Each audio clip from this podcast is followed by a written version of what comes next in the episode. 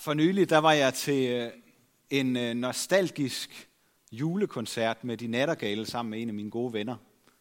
Og øh, det var meget sjovt og hyggeligt at høre nogle af de der sange, som jeg lærte udenad, da jeg var en stor dreng, og som jeg så brugte igen i, i gymnasiet. Og øh, ja, nogle af dem kan jeg faktisk stadigvæk øh, noget af. Jeg kan huske, at øh, de sang en af sangene, som øh, øh, I får bare lige lidt af den. Den lyder sådan her. Er ved at form i gennembrud, jeg skal bare lige have en regnet ud. Ja, så får I ikke mere. Øhm, jeg synes, den passede godt til i dag, fordi øhm, jeg tror, det her med, at lige om lidt, så får vi vores gennembrud. Vi skal bare lige finde ud af, hvordan det lige skal drejes, så lykkes det for os. Det tror jeg, det er sådan en, øh, det er sådan en grundfølelse, som rigtig mange af os går rundt med. Det kan være, at det er eksamen, der fylder. Det kan være et eller andet projekt. Det kan være noget med at få samlet familien, eller lige få gjort de sidste forberedelser til jul. Eller det kan handle om livet i det hele taget. Jeg ved, jeg får det til at lykkes lige om lidt. Jeg skal bare lige have den regnet ud. Jeg skal bare lige, så er jeg der, hvor jeg gerne vil være.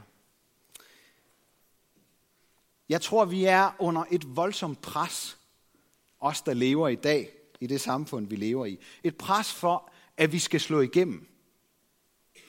Et pres for, at vi skal få det der gennembrud på vores område, i forhold til det, vi nu tænker på, at vi skal. Få vores eget lille gennembrud med det ene eller det andet, så vi kan vise vores værdi. Og det er jo ikke kun mennesker, der stiller sig op for en andre, der kan opleve det pres, eller følelsen af at mangle noget. Jeg skal bare lige, så har jeg det.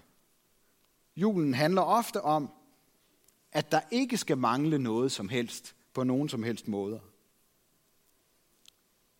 Det er også en del af det at fejre højtid, at vi gør os umage for, at det skal blive godt for alle.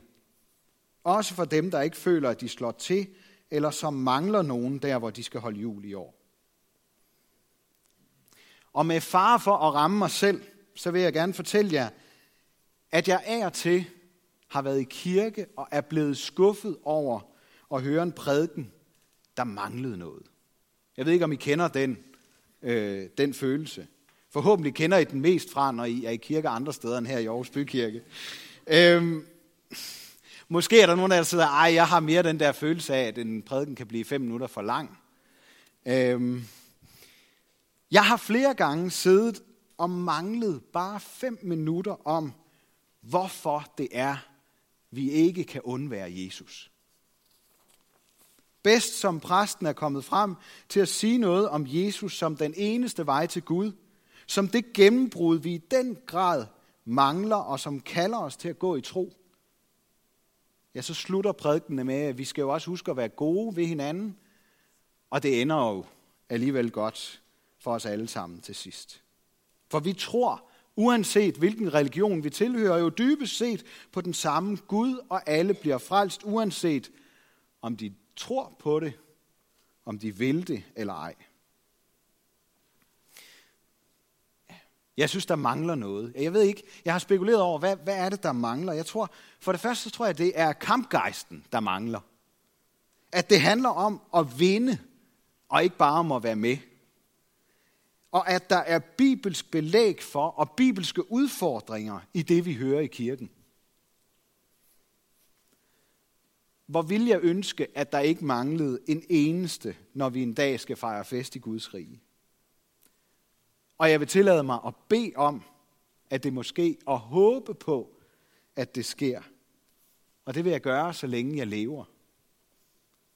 Men vi mangler noget, hvis vi bilder hinanden ind, at sådan ved vi, at det er. Så kan jeg i hvert fald mærke den her uro og fornemmelse af, at der er noget, der mangler, noget vigtigt.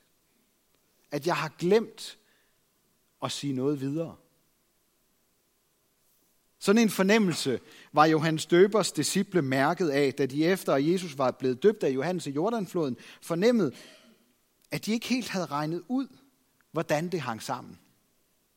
Det var som om Johannes gav indtryk af, at der manglede noget. Altså i det her gode fællesskab af fromme, gode mennesker ude i, i ørkenen sammen med Johannes, der manglede noget. Og hvor tror jeg, at vi kan lære meget af Johannes på det her område. Ved ikke at nedgøre andre og tale dårligt om andres måde at leve på, men i stedet for på en kærlig måde vise, at der mangler noget. Mange af os er blevet velsignet med gode oplevelser. Men kender vi ikke Jesus, så har vi ikke oplevet det allerbedste endnu. Lever vi ikke efter hans kærlige bud, altså de ti bud, som Jesus temmelig overbevisende udlægger i bjergprædikenen, så mangler vi det bedste. Mange vil bilde os ind, at det, de kan give os, lige præcis er det, vi mangler. Sådan gør Johannes ikke. Han har helt fra starten givet tydeligt udtryk for, at der kommer en efter ham, som kan give hvert eneste menneske det, vi dybest set længes efter. Hans og vores opgave er ikke at tilfredsstille andres forventninger, men at vise, at vi mangler det vigtigste, hvis vi ikke kender Jesus. For Johannes er kun brudgommens ven, mens Jesus er brudgommen. Altså ham, der både elsker os og lidenskabeligt ønsker at blive forenet med os i al evighed. Den glæde, som Johannes bliver fyldt af, når han ser brudgommen, er glæden over gennembruddet, der gør, at vi kan blive forenet med Gud. Det er glæden over hvert eneste menneske, der finder sin dybe afhængighed af Jesus og ønsker et livslangt fællesskab med ham. Hvis vi vil realisere os selv, så kan vi kun nå så langt, som det vi selv indeholder som mennesker. Det er også et pænt stykke. Men hvis vi virkelig vil udvikle vores potentiale som guddommelige skabninger, så skal vi lære af andre. Og det var derfor, Johannes Døber blev den sidste og største profet, før Jesus kom, fordi han gjorde sig selv mindre, for at ham, han havde dedikeret sit liv til, kunne blive større. Og det er helt enkelt, hvad det vil sige at være kristen og opkaldt efter Kristus. En kristen lever ikke for sig selv, men for at gøre sig selv mindre, så Kristus kan blive større. Og der findes ikke noget mere opbyggende og livsbekræftende end den bevægelse. At jeg bliver mindre, og ham jeg tror på bliver større. For det er noget, som vi gør frivilligt og i tillid til og i kærlighed til ham, der bøjede sig allerdybest for os. Også på det område har Jesus vist os vejen. Johannes fortsætter med at forklare, at den, der tror på Guds søn, har evigt liv, mens den, der er ulydig mod sønnen, ikke skal se livet, fordi Guds vrede bliver over ham. Og nu er vi fremme ved det i prædikenen, som jeg egentlig mest har lyst til at springe over. Men så er der bare det, at så vil vi helt tydeligvis mangle noget. Og det værste af det hele, det er, at vi ikke gør Gud stor ved at se bort fra hans hellige vrede. Vi gør ham lille. Gud er hverken smålig, hævngærig eller utilregnelig i sin vrede. Han er hellig og retfærdig og hævet over, for, eller hævet over enhver form for menneskelig svaghed og smålighed. Så hvis vi forestiller os, at Gud er lunefuld i sin vrede, så gør vi ham endnu en gang mindre og ikke større. I en julesalme synger vi, at Gud ikke længere er vred. Og det kan vi vide, fordi han har sendt sin søn ned til jorden for at lide for vores synd. Guds vrede er altså ikke afskaffet, men afledt af Jesus. Guds vrede lagde sig, som profeten Esajas udtrykte det, det vi hørte fra starten af gudstjenesten. Og derfor, fordi hans vrede har lagt sig, så kan han trøste os i stedet for. Vi bliver ikke som mennesker reddet ved at se bort fra Guds vrede. Vi bliver reddet, vi bliver reddet ved at se på ham, der bærer Guds vrede og straf i stedet for os. Hvis vi mener, at Gud i det gamle testamente ikke er andet end et forældet gudsbillede, så er vi uenige med Jesus, der er kommet for at opfylde loven og profeterne.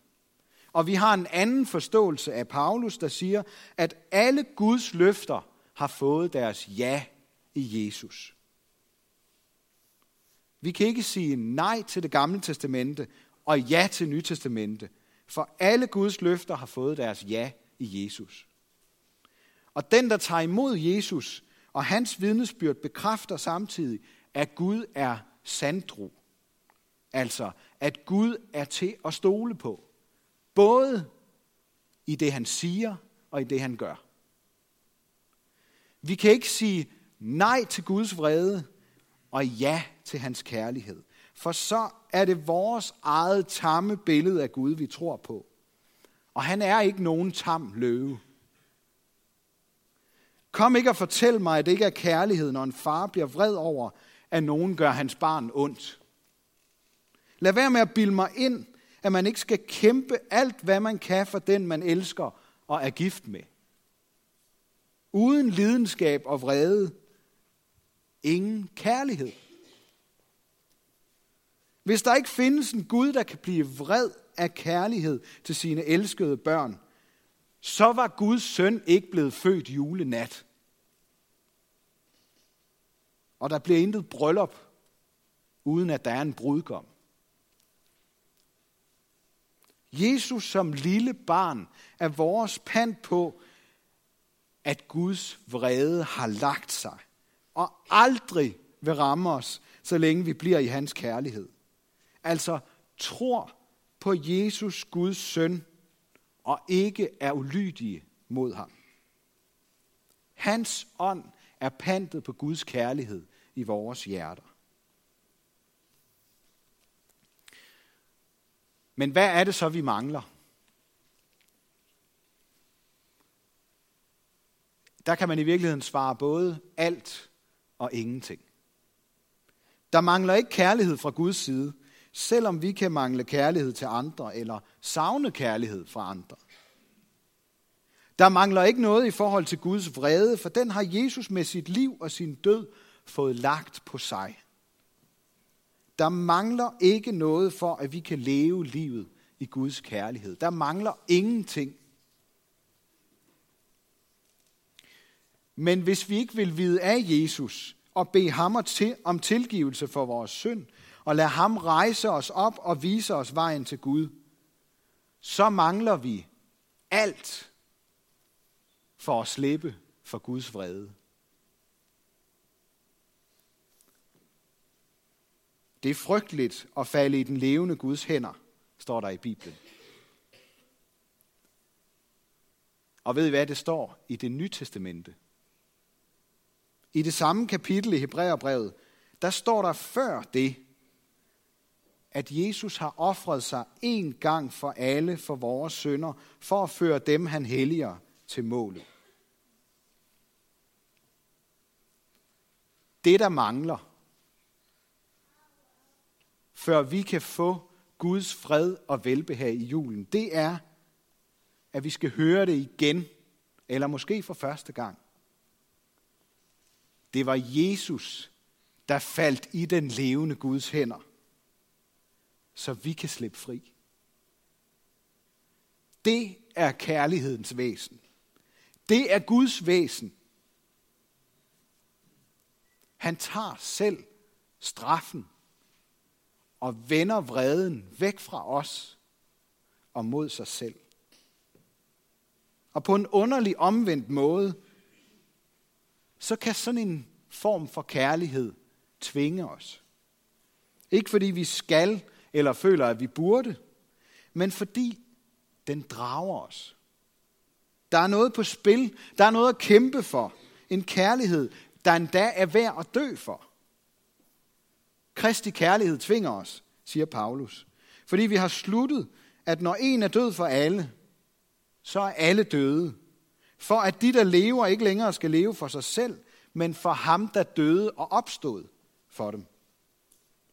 Det var den bevægelse, Johannes Døber lærte, da han mødte Jesus i Jordan. Han skal blive større, og jeg skal blive mindre. Det kan godt lyde lidt som om det gør ondt, det her med at miste sig selv på den måde. Men det er den eneste måde, vi kommer helt, hele igennem livet på. At Kristus lever i mig. Kristendommen handler ikke om at regne den ud, for det har Jesus allerede gjort. Han er selv kommet for at betale det livsregnskab, vi ikke selv kan få til at gå op. Vi behøver ikke vente på gennembruddet, for Jesus er vores gennembrud til Gud. Forbi hans hellige vrede, der har lagt sig, og ind i hans kærlige favn. Derfor kan vi forlige os med Gud, for alle hans løfter har fået deres ja i Jesus Kristus. Det er sandt. Vores brudgom siger ja til os. Derfor lad jer forlige med Gud. Det er, hvad der mangler, for at vi kan fejre jul, også i år.